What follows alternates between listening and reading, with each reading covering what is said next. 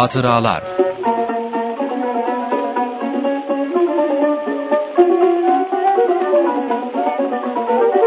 Merhaba değerli dinleyiciler. Sizleri TGRT FM Radyosu'nun İstanbul stüdyolarından selamlıyoruz. Bir haftalık bir aradan sonra yeni bir hatıralar programında sizlerle beraberiz. Hepinize merhaba.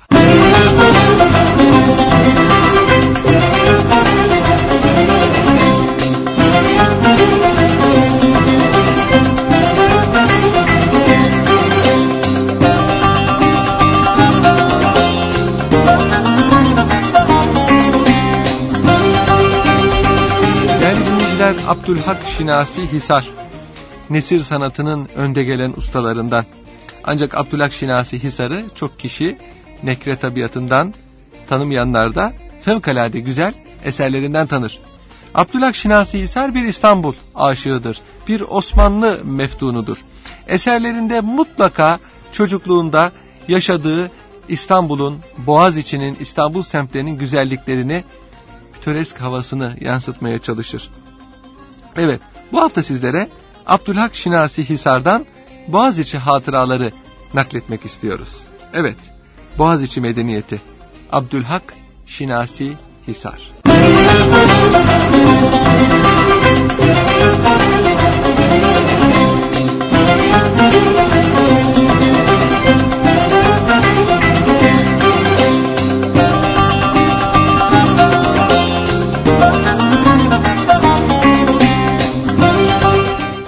Asrın yani 20. asrın ilk senelerinde Boğaziçi en çok hatıra getirdiği eski Venedik gibi güya bir göl tarzında kendi üstüne kapanmış, kendine mahsus birçok adetleri, aletleri, zevkleri olan büsbütün hususi bir alem, hususi bir dünyaydı.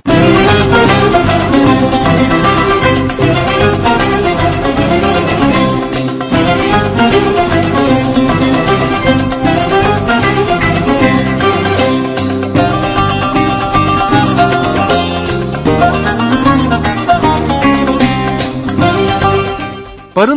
birçok ananeler kendine has tabiatının hususiyetlerine katılarak ona bazı kısımlarıyla eş bulunduğu İstanbul medeniyetinden bile ayrılan hususi bir medeniyet kurmuş olurdu.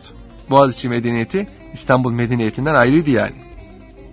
Her sene zamanı gelince İstanbul'un birçok semtlerinden Boğaz'ın birçok mahallelerine göçler başlardı.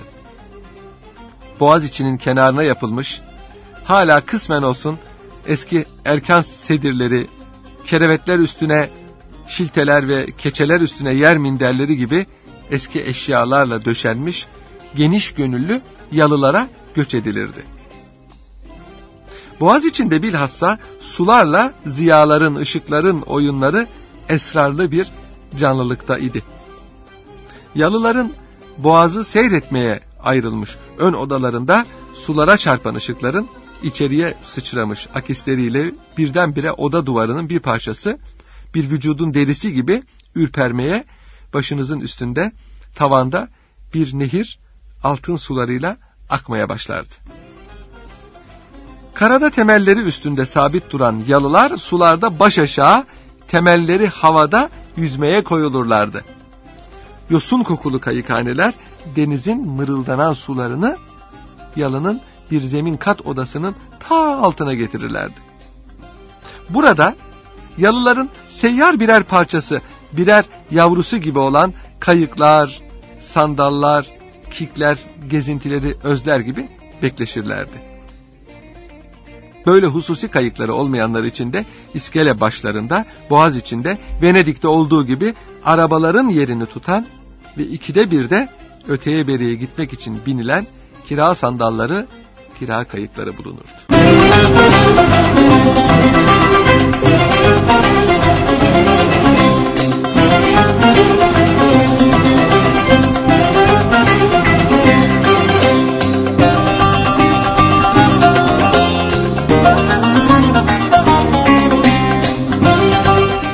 Birçok yerlerde deniz kenarında yalıların önlerinden geçen yollar kendilerinin daracık ve hususi ahşap rıhtımlarıydı. Yalının kayıkhanesi önünden bitişik bir yalının rıhtımına altı desteklenmiş bir tahtanın teşkil ettiği küçücük köprüden geçilirdi. Bir sahil, karşıki sahile bir bahçe manzarası gösterir. İçlerinde oturanların konuşa konuşa bu sahilleri, bu suları seyrettikleri şirket vapurları İstanbul'a gidip gelirken boğazın seyrine mahsus seyyar salonlara benzer.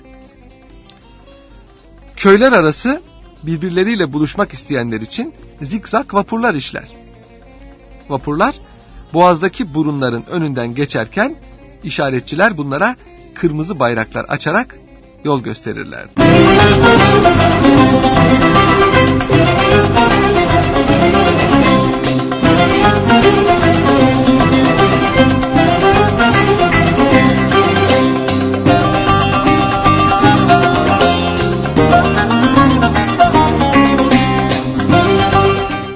Her gün İstanbul'a inip esnafın ve mahalle halkının şehirden toptan aldıklarını taşıyan ve kocaman küreklerinin her birini ve kayıkçının iki eliyle tuttuğu ve ayağa kalkıp yavaş yavaş oturmak suretiyle çektiği 5-6 çifte gedikli pazar kayıkları gider gelirdi. Süslü, hususi birçok çatanalar geçerdi. Tarihten evvelki acayip şekilli mahluklara benzeyen yelkenliler kahraman edalarıyla gelirdi. Yalıların rıhtımlarına yanaşırdı. Sadece onlara mevsimlik meyvelerini, senelik soğanlarını, kışlık odunlarını ve kömürlerini getirirlerdi. Yalıların önlerinden daha nice kayıkları geçer, işlerindekiler sattıklarını kendilerine mahsus şivelerle, seslerle bağırarak, efendim balıkçılar henüz canlı balıklarını, mısır satanlar henüz kazanda kaynayan mısırlarını, dondurmacılar tenekelerinde donan dondurmalarını methederlerdi.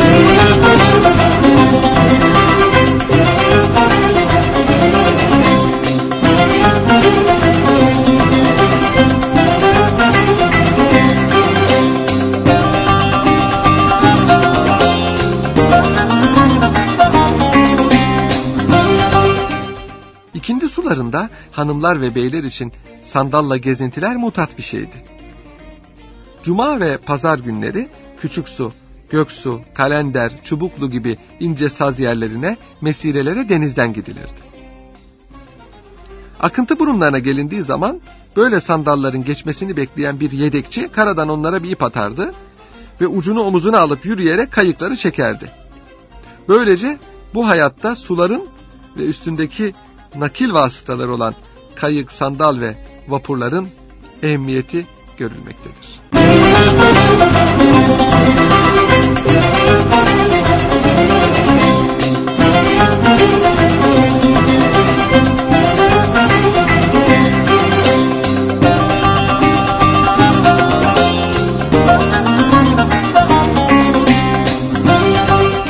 Karaya çıkıldığı zaman eski, daracık, yamru yumru, lezzetli bir meyve gibi yavaş yavaş olgunlaşmış, bazı yerleri belki çürümeye yüz tutmuş, o kadar yosunlaşmış, tadı o kadar taşmış, uslanmış halli, yüksek duvarlı, asırlık ağaçlı, derin şiirli ve arada bir duvarın karşıki duvarın omuzuna uzattığı bir kolu andıran köprülü görünüşleri, yüzleri akrabalarımızın yüzleri, gözleri gibi muhabbetli manalar almış, eski tarihimiz içinden gelen yollar, geçen yolcuyu, Anadolu Hisarı, Rumeli Hisarı gibi İstanbul'un fethinden eski bir mahalleden alır, onu yalnız Körfez, Kanlıca gibi, Balta Limanı, Emirgan gibi diğer bir eski mahalleye değil, eski tarihimizin de içine götürmüş olurdu.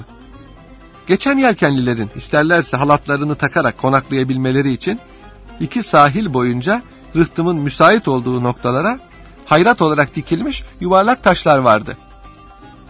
Önlerinden geçilen mezarlıkların ayakta duran sadık bekçileri hisli, içli, yüksek ve güzel selviler başlarının titreyen uçlarıyla teessürlerini söylerlerdi. Ahirete boyun eğerlerdi.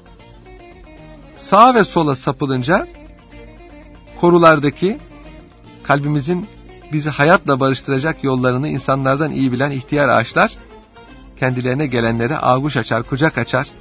Onlara muhtaç oldukları teselliyi gölge, koku ve sükut halinde bol bol sunarlardı.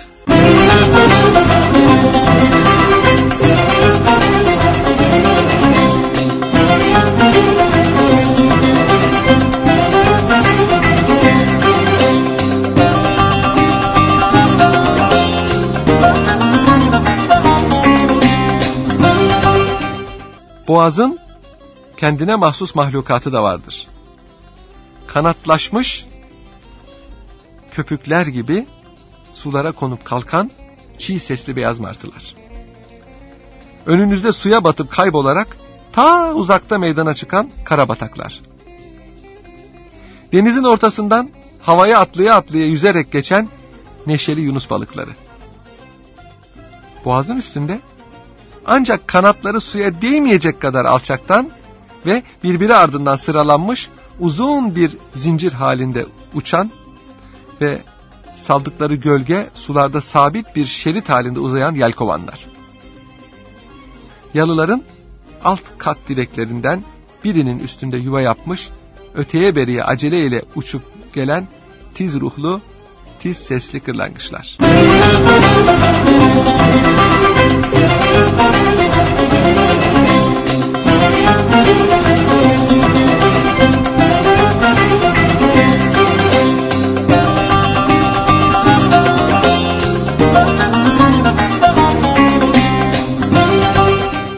Geceler gelince Fenerler'de Anadolu sahilinin kırmızı ve Rumeli sahilinin yeşil gözleri açılıp kapanmaya, parlayıp sönmeye başlar. Geceleri kayık ve sandalların döşemelerini ıslatan rutubet içinde gezerken bazen sular üstünde çalı çırpı tutuşturarak suları tutuşturmuş sihirbazlara benzeyen ateş balığı avlayan balıkçılara rast gelinir. Bazen gecelerin koynunda menekşe rengini alan titrek sular üstünde garip bir füsun ile dökülmüş ışıktan bir servinin serildiği ve titreşerek parıldadığı görülür. O zamanlar Boğaz içinin kendine mahsus ıstılahları tabirleri bile vardı. Mesela mehtap demek, mehtaplı bir gecede Boğaz içinde dolaşan bir kayıkta bir ince saz takımı peşinden onu dinleyerek yapılan gezinti demekti. Valide Paşa'nın mehtabı demek bu ince saz alemini Valide Paşa'nın tertip ettiğini yani Mısır Hidivi'nin annesinin tertip ettiğini söylemek demekti. Bebek'te onun yalısı vardı şimdi Mısır konsolosluğudur. Mehtapçılar demek de bu gezintiye katılanlar demekti.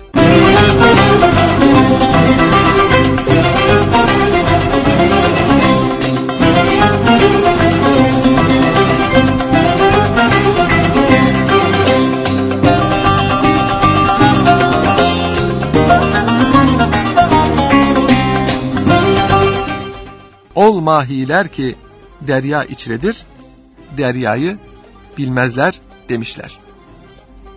Biz de bu yalı, bu kayık, bu boğaz hayatını o kadar tabii bulurduk ki bunların hususiyetleriyle alakalanmak hatırımızdan geçmezdi. Fakat birkaç şehir cesametindeki, genişliğindeki İstanbul'un başka semtlerinden bize misafir gelmiş akrabalarımız, bizim mesela Mehtap'ta denize çıkarak Boğaz'da bir ince saz takımı arkasından dolaşmak gibi adetlerimizin birçoğunu esrarlı bulurlardı. Kendileriyle beraber mehtaba çıktığımız geceler, kayığın döşemelerini ıslatan rutubetten hastalanacaklarını zannederlerdi. İncecik kayığın devrileceğinden korkarlardı. Bu tılsımlı ışıklar içinde esrarlı bir haz ile mırıldanan suların üstünde kendilerini bir nevi periler diyarına girmiş sanarlardı ve belki de bu güzelliğin kendilerini çarpacağından korkarlardı.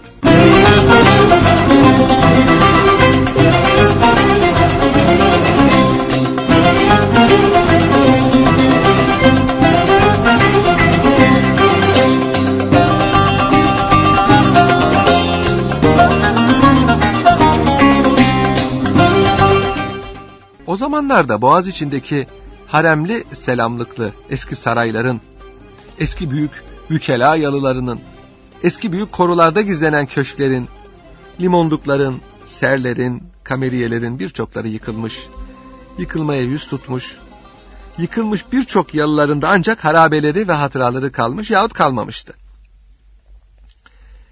İçlerine artık bir daha dönmeyecek geçmiş servet ve saadetlerin hülya ve hatıraları tüten eski birçok yalılar ve köşklerse büyük hülya mahlukları ve sükut mabetleri gibi şimdi ince sazları ve sözleri susmuş olmakla beraber yine yerli yerindeydi.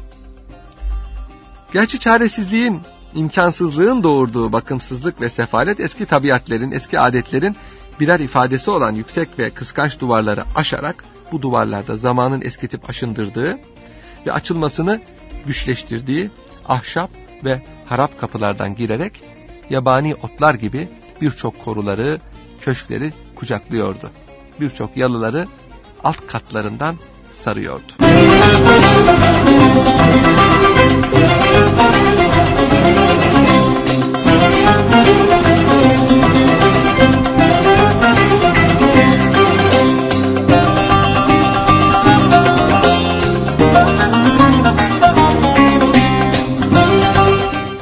Akrabalarımız da bunların içinde oturanları görmeye gittikçe çocukluğumuzun neşesiyle içlerinde koşup oynadığımız bütün bu büyük yalıların alt katlarında taşlıkların ve sofaların hep böyle harap olmaya yüz tutmuş, mermer kurnalı çeşmelerin muslukları kırılmış, suları kırılmış, kurumuş, eşyaları kaldırılmış, hasırları eskimiş, sofalarla odaları daima birbirinden ayıran birer ikişer yayvan basamakların tahtaları çürümüş, ceviz e, dolaplarında kuyruklu saatleri geçmiş bir zamanda durmuş, bütün bu alemi tozların bürümüş olduğunu görürdük.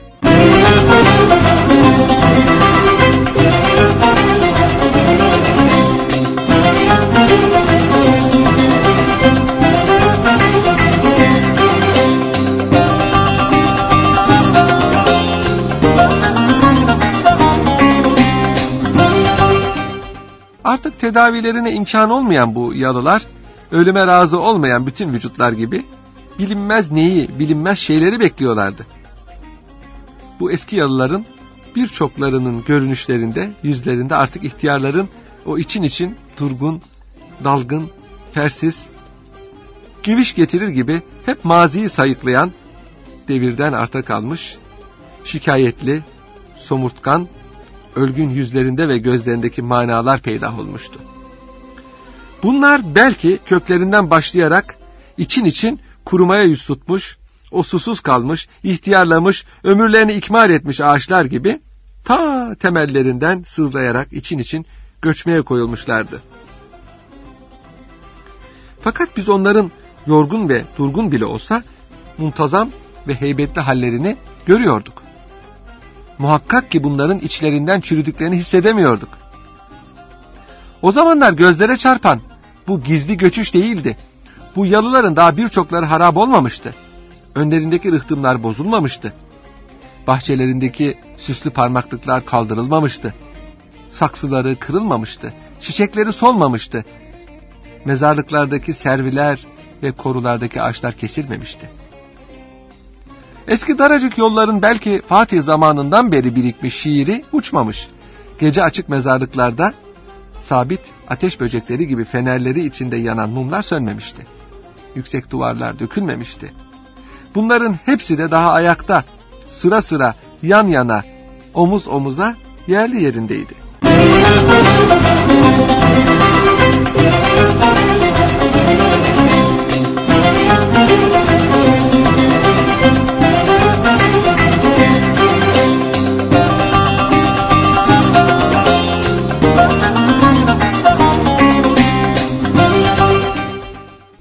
gelip birçok ağaçlar yeşil, beyaz, pembe renklere bürününce, erguvanlar kırmızı alevlerini tutuşturunca, boğazın nazlı çiçekleri kokularını havaya katıştırınca ve bahar mavimtırak akşamların nazarlarından gönüllere süzülünce, bütün bu cennet diyarı, bütün boğaz içi ta salı pazarından Fındıklı'dan Rumeli Feneri'ne ve Harem iskelesinden Salacak'tan Anadolu Feneri'ne kadar birçok yangın yerleri, birçok harabeler saklamakla beraber ekseriyeti itibariyle yalı, rıhtım, bahçe, çiçek, yol, ağaç, kayıkhane, kayık, duvar, parmaklık, iskele, merdiven, hülasa saatlerce süren bir mesafede hala büyük bir refah hissini veren, dünyanın belki en geniş olduğu gibi en güzel demek emsalsiz bir caddesi sayılabilecek muntazam ve muhteşem bir mamure halindeydi. O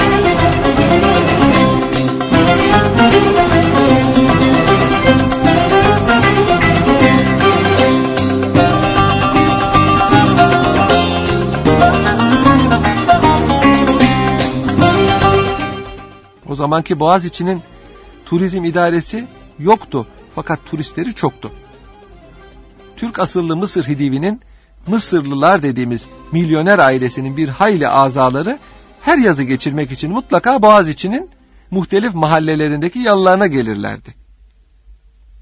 Avrupa müthiş rekabetiyle İstanbul ve Boğaziçi'ni bu Müslümanların gözlerinden daha düşürmemişti. Boğaziçi ahalisinin Müslüman olmayan unsurları içinden o zaman Boğaziçi ananelerine, zevklerine, hülasa Boğaziçi medeniyetine iştirak edenler de çoktu. Boğaziçi köylerinin bir haylisinde büyük Ermeni aileleri vardı ve onların tamamen Alaturka yalıları vardı. Bu ailelerin en genç azaları da Boğaz içindeki zevke, bu zevkli hayata iştirak ediyordu. İnce saz ustalarının birçoğu Müslüman olmayan sazende ve hanendelerdi. İnce saz alemleri bu Ermeni yalılarında da tertip olunurdu. Müslüman olmayanlar o zaman milli kültürümüzün daha ziyade tesiri altında idiler.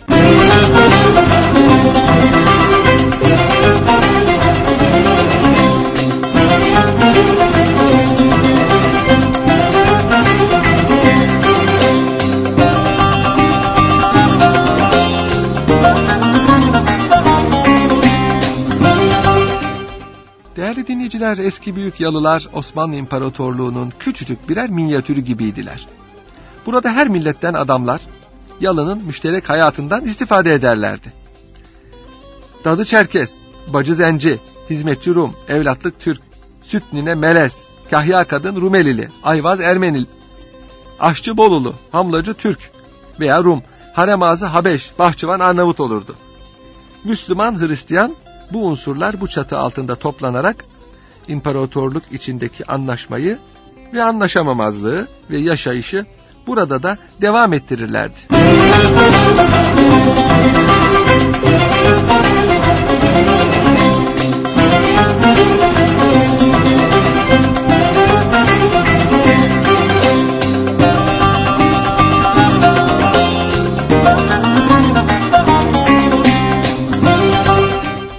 Böyle büyük yalıların adeta ana vatanın artık koruyamadığı uzak ülkeleri, müstemleke sayılabilecek bakımsız yerleri bulunurdu. Bazılarının selamlık dairelerinin dışında, tavuğun yanındaki civcivler gibi ayrı bir çatı altında belki bir tek odadan ibaret istirahat köşkleri, sık ağaçlar içinde, ayrı iklimler içinde gibi unutulmuş, kendi hallerine terk edilmiş serler, limonluklar, kameriyeler olurdu. Bunların kendilerine mahsus nebati hayatları yavaş yavaş sahipsiz kalmış bir hayvanın talihi kadar olsun müessir görünürdü.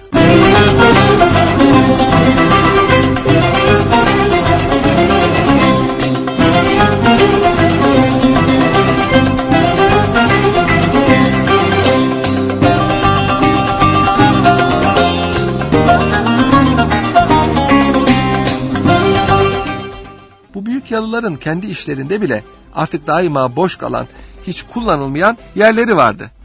Hiç kullanılmayan köşeleri vardı. Mesela alt katlarında selamlık ve harem taşlıkları, sofaları, lüzumsuz oldukları için kapıları bile açılmayan odalar, ihmalden ve bakımsızlıktan harap ve hatta belki viran yerleri de olurdu. Kayıkhanelerin nihayetlerine doğru denizin muttasıl ıslatarak çamurlattığı yosunlu topraklar yalının hasta bir noktası gibi kalırdı. Yalılarda hatta sahiplerinin hiçbir gün bile girmemiş bulundukları nice yük odaları, oda gibi büyük kilerler, ayak yolları vardı.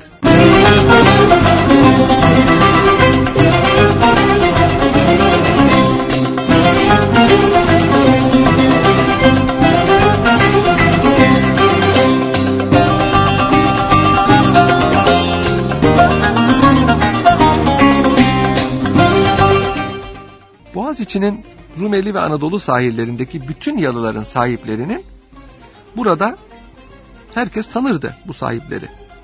Beyler birbirlerinin servetlerini, nüfuzlarını, rütbelerini, kabiliyetlerini, adetlerini bilirdi.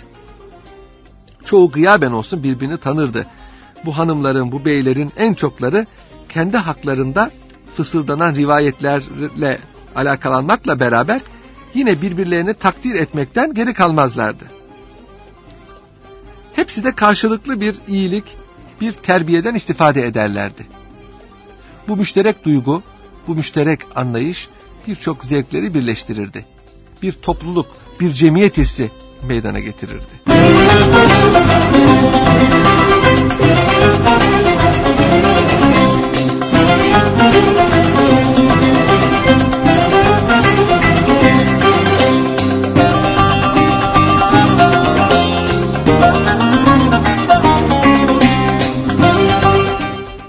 Medeniyet demek, bir takım mefhumlarla beslenen imanın, inancın, yani bir takım maneviyatın yeryüzünde maddeten gerçekleşerek varlıklarını bütün insanların görüp anlayabilecekleri şekilde meydana koyan bir teknik yani bir takım maddiyatla birleşmesidir. Maddi ve manevi varlıkların hususi bir ahenkle birleşmesine medeniyet diyoruz. Bunun içindir ki medeniyet yalnız bir çalışma değildir. Aynı zamanda bir dinlenme, yalnız bir didinme değil, aynı zamanda bir kendi kendini dinlemedir. Yalnız bir ifade değil, aynı zamanda bir güzelliktir. Bir takım güzelliklerin ihtiyacı, buslatı ve bütünlüğüdür. Medeniyet dediğimiz bütün bu şeylerin imtizacıdır. Bütün bu usuller, bu adetler o kadar eski ve adeta ezeli bir zevkle karışarak o kadar maddeten mevcut bir hal almışlardı ki kadınların ve erkeklerin remiz anlayan gözleri yani lep demeden leblebi anlayan gözleri bu güzelliklerin birer zerresini bile kaçırmazlardı. Bu tiryakiler Boğaziçi zevkinin her yudumunun zevkini, keyfini çıkarırlardı.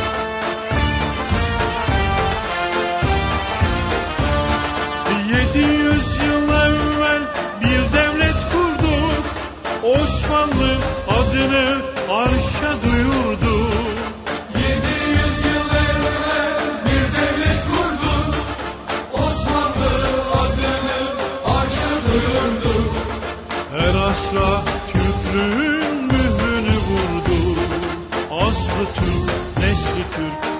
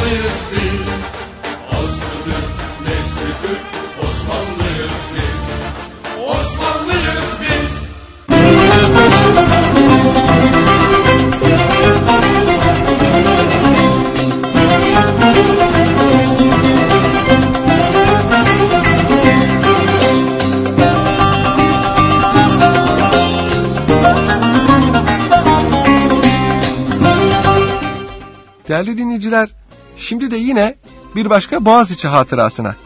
18. yüzyılda Boğaziçi'nde sefarethanelere dönüyoruz. Hatıranın sahibi Haluk Şehsuvaroğlu'dur. Haluk Şehsuvaroğlu da programımızı devamlı dinleyenlerin tanıyacağı bir isim. Sık sık eski İstanbul'a dair hatıralarını sizinle paylaştığımız bir insan. Evet, Boğaziçi'nde sefarethaneleri anlatıyor Haluk Şehsuvaroğlu. Boğaziçi kıyılarında ecnebilerin ilk oturmaya başladıkları köyler Büyükdere ve Tarabya'dır. Tarabya hakkında bize az da olsa bilgi veren kaynaklardan biri Evliya Çelebi seyahatnamesidir. Evliya Çelebi'nin verdiği bilgilerden öğrendiğimize göre 16. asır başlarında bu kıyılarda yalnız bir balık dalyanı varmış. Sultan II. Selim bir deniz tenezzühünde gezintisinde bu dalyana uğramış, çeşit çeşit balıklar tutturup sahilde sık servi ağaçlarının gölgesinde bunları pişirtip zevkü sefa eylemiş. Sonra da o yere Tarabya adıyla bir kasaba ve kendine mahsus bir de çemenzar sofa, bina ve inşa olunmasını Vezir-i Azam Sokullu Mehmet Paşa'ya ferman eylemiş. Çemenzar sofa küçük bir bahçe köşküdür. Sokullu Mehmet Paşa hem meşhur sadrazam hem padişahın damadıdır. İşte ondan sonra bu kasaba yapılmış ve mamur olmuştur. 17. asırda Evliya Çelebi Tarabya'yı bir İslam mahallesi, bir camii ve yedi mahalle Hristiyan vardır. Ama mezkür dalyan yeri ve ol selvilik halen gümrük emini Ali Ağa'nın yalısıdır. Bundan büyük sahil, sahil sarayı yoktur, hamamı ve başka imareti de yoktur diye anlatıyor. Bu surette 17. asırda Tarabya'nın öbür Boğaziçi köylerinden daha sönük bir halde bulunduğunu öğreniyoruz. Boğaz'da Türklerin oturduğu diğer köyler bu asırda çok tamir edilmiş, çok imar edilmiş idi. Bu köylerde birçok ve büyük yalılar, camiler, hamamlar, çarşılar ve güzel bahçeler vardı. Büyükdere ve Tarabya kıyıları 18. yüzyılın başlarından itibaren Batılıların, ecnebilerin rağbet ettikleri ve oturmaya başladıkları iki köy haline geldi. Bu asırda bu köylerde Türk içtimai hayatından ayrı bir hayat tarzı kuruldu. Buranın yerli Rumlarıyla sefaret memurları arasında münasebetler peyda oldu.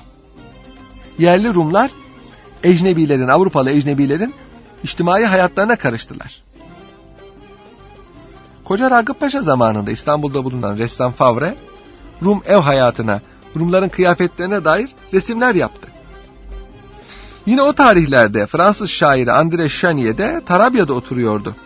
Madame Chenier, devrin sosyal hayatını göstermesi bakımından mühim olan Rum Mektupları adında bir kitap kaleme almıştır. André Chenier, Fransa ihtilalinin önde gelenlerinden birisidir. Sonra Fransa'ya gitmiştir. 18. asır sonlarında bir Bostancıbaşı defterine göre Tarabya'da çok ki yalıları anlatıyor Bostancıbaşılar vazifesi budur. sahil güvenlik görevlisi olduğu için kalender kasrından sonra sabık kapı ketüdası Pipo Zimmi'nin yalısı. Zimmi gayrimüslim vatandaş demek. Sonra sabık Eflak Voyvodası Mihalaki Bey'in yalısı. Eflak bugünkü Romanya'nın adıdır. Voyvoda da oranın amirine verilen isimdir. Yani Romanya valisi Mihalaki ki onlar Rum asıllıdır o zamanlar için. Sonra Kürkçü Yolaki Zimmi'nin yalısı. Kürkçü İskerlet Zimmi'nin hanesi. Adı geçenin karındaşı Ligor Zimmi'nin hanesi. Kürkçü Mihalaki Zimmi'nin evi. Maktul Eflak Bey yeğeni Halilesinin yani hanımının yalısı. Diğer Maktul'ün Halilesinin yalısı. Sabık Derya tercümanı İstefenaki Zimmi'nin yalısı. Çuhacı İskerlet Zimmi'nin evi. Kasandıra Nasrani'nin yalısı. İstibar Todoraki Zimmi'nin yalısı. Katreniçe Zimmi'nin yalısı. Cerrah Konstanti Zimmi'nin yalısı. Balıkçı Yanko Zimmi'nin evi. Bakkal Panayot Zimmi'nin evi. Tarabya Mescidi Şerifi. Kurbunda yedi bağ yani yakınında yedi tane İslamlara ait evler. Sonra Kayıkçı İstefan Zimmi'nin evi. Terzi Yorgak Zimmi'nin evi. Despot Karıntaşı Esnak Zimmi'nin evi. Boyar İstirakioğlu'nun evi. Roman soylusudur boyarlar. Kürkçü Teorahi eşinin evi. Tabip Razi Zimmi'nin evi. İskelebaşı kulluk yeri. Cerrah Manolaki Zimmi'nin evi. Papaz Despoti Zimmi'nin evi. Yanko Zimmi'nin evi. Yortar Zimmi'nin evi. Azmerde kızı Nasraniye'nin yalısı. Nikolaki evi. Yanko Zimmi'nin yalısı. Cevahirci Aslan Zimmi'nin yalısı. İskarlet Voyvoda'nın oğullarının boş arsası. Aleksan Bey'in damadı Manol yalısı. Eflak Voyvodası Aleksan Bey'in yalısı. Böyle gidiyor.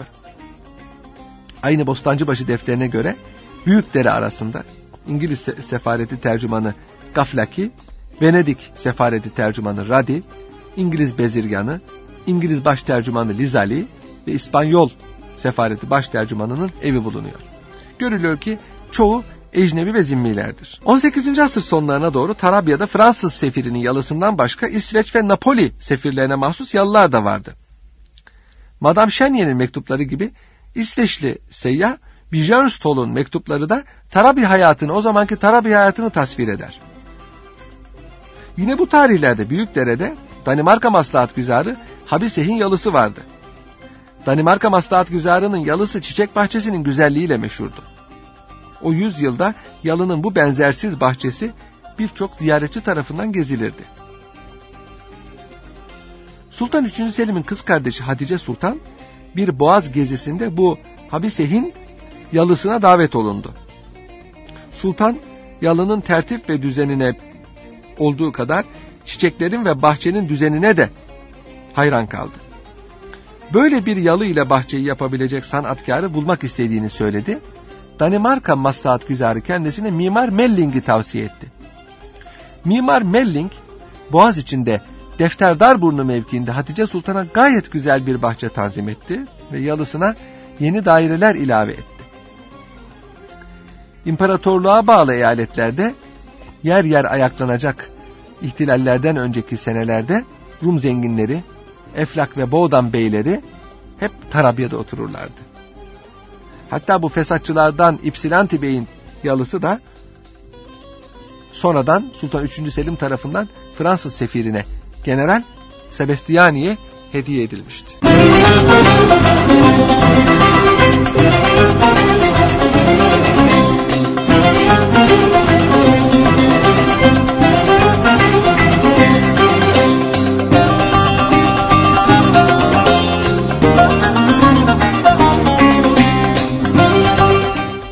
Değerli dinleyiciler, Bostancıbaşı defterlerinden bahsettik. Bostancıbaşılar İstanbul Sarayı'nın şehir ve civarında padişahlara mahsus kasır ve bahçelerin, koruların muhafazasına memur bir ocağın en büyük rütbelisidir, başıdır. İstanbul kıyılarının asayişi ve emniyetinden de onlar sorumluydu. Bir nevi sahil güvenlik idi. Bostancıbaşıların bu vazifelerine ilave padişahlar deniz yoluyla bir yere gittikleri zaman mahiyetinde bulunurlardı. Saltanat kayığının dümenini kullanırlardı. Saray Kayıkları Teşkilatı'nın bağlı bulunduğu Hamlacı Ocağı Bostancıbaşıların emrindeydi. Bostancıbaşı defterleri Haliç ve Boğaziçi kıyılarındaki yalıları, evleri, kayıkhaneleri, bahçeleri, kahveleri, bostanları, iskeleleri gösterir. Bu defterlerin başlıkları süslemeli. Çizgiler altınla çizilmiş. İskeleler ve meşhur binalar birbirinden ayırt edilsin diye kırmızı mürekkeple yazılmıştır. Çok güzel defterlerdir bunlar. Sultan 3. Selim devrine ait bir defter. En eski defter olarak elimizde. Sultan Mahmut devrine ait defterler de var. Daha eskiden tutuluyor muydu?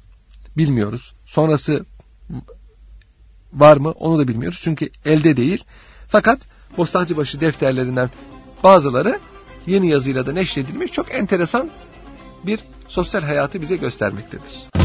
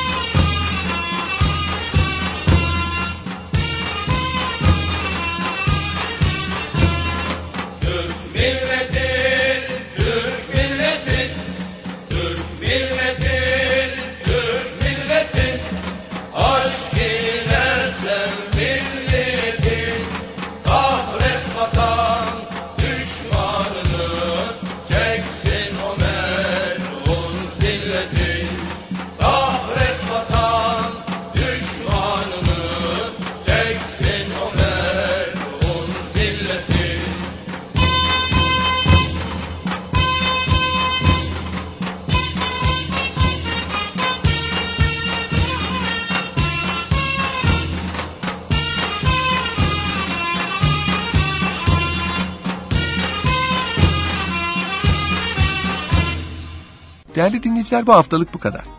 Haftaya bir başka hatıralar programında radyonuz TGRT FM'de buluşmayı umuyor ve hepinize veda ediyoruz. Hoşçakalın.